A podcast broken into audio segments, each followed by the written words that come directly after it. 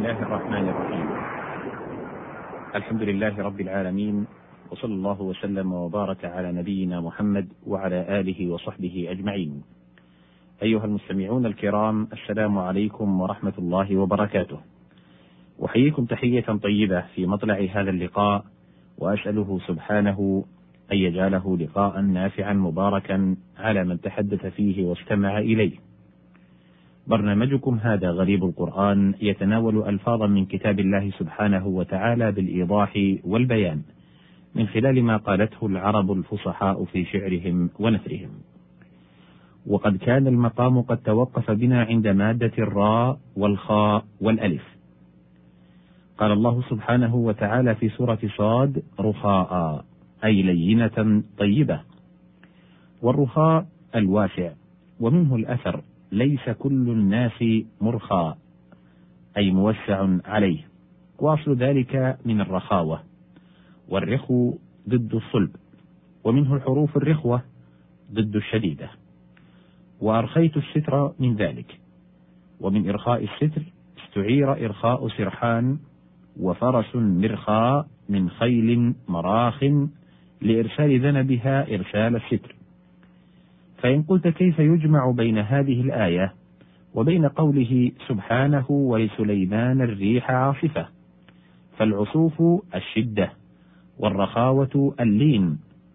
فالجواب أنها في أول خروجها تكون شديدة ثم تسلسل وتسترخي أو أنها في تسييرها ما تحمله بمنزلة العاصفة لبعد مسافة مسيرها. وفي عدم إزعاج ما تحمله بمنزلة الرخاء يعني أنها جامعة بين هذين المعنيين. الراء والدال والهمزة.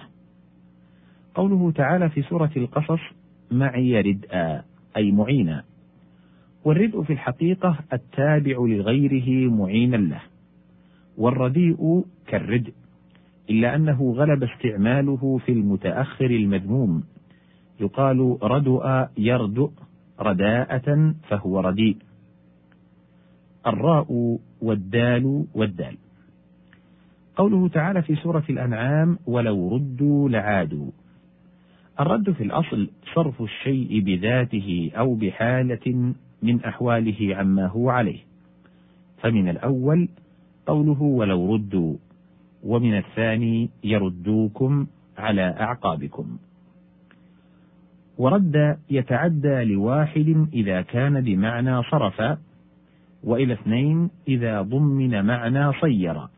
كقوله رمى الحدثان نسوة آل حرب بمقدار سمدن له سمودا فرد شعورهن السود بيضا ورد وجوههن البيض سودا.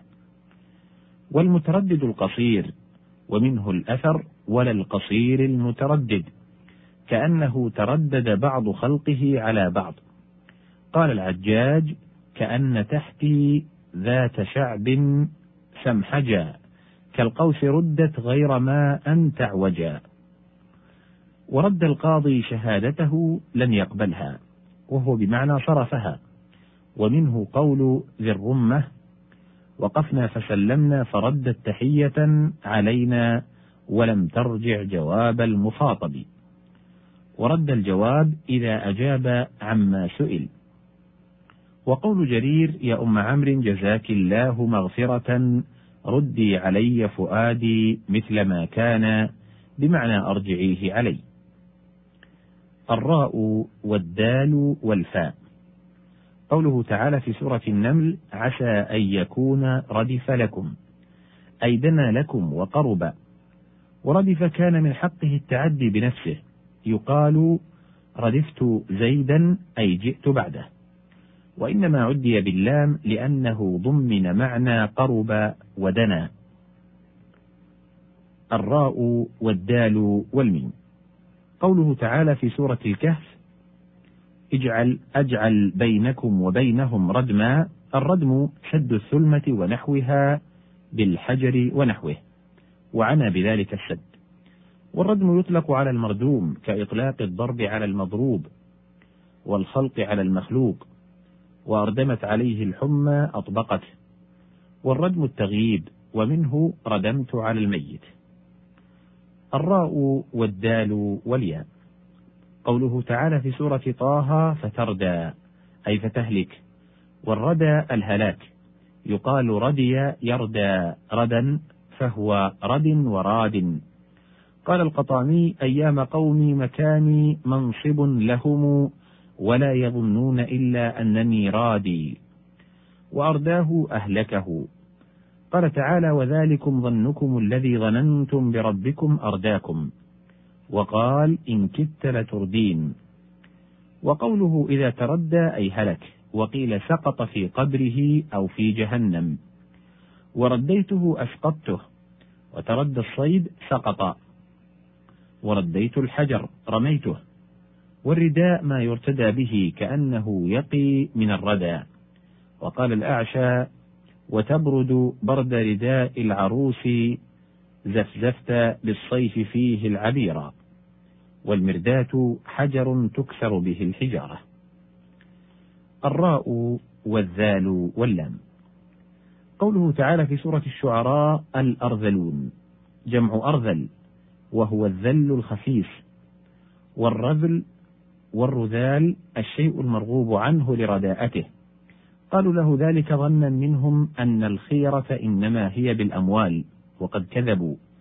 وقد كان أتباعه الأساكفة وأصحاب الصنائع والحرف الدنية فأنفت نفوسهم أن يؤمنوا وقد سبقهم أولئك إلى الإيمان. وهذا كما قالته الجهلة من قريش وقد رأوا صهيبا وبلالا وخبابا قد آمنوا. والأرذل يجمع على أراذل. قال تعالى إلا الذين هم أراذلنا أي أخساؤنا وضعفاؤنا. الراء والزاي والقاف.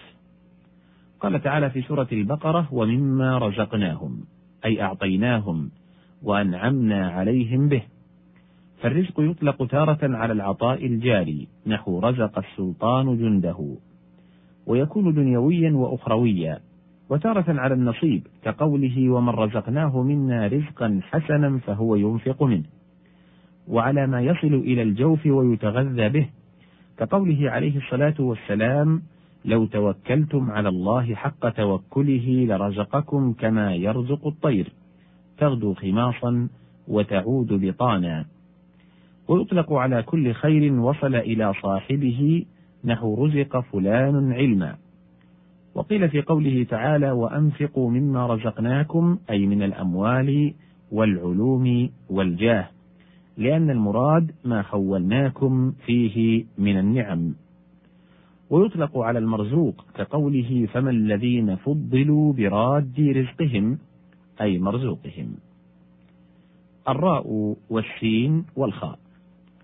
قوله تعالى في سورة آل عمران والراسخون في العلم أي الثابتون المستقرون.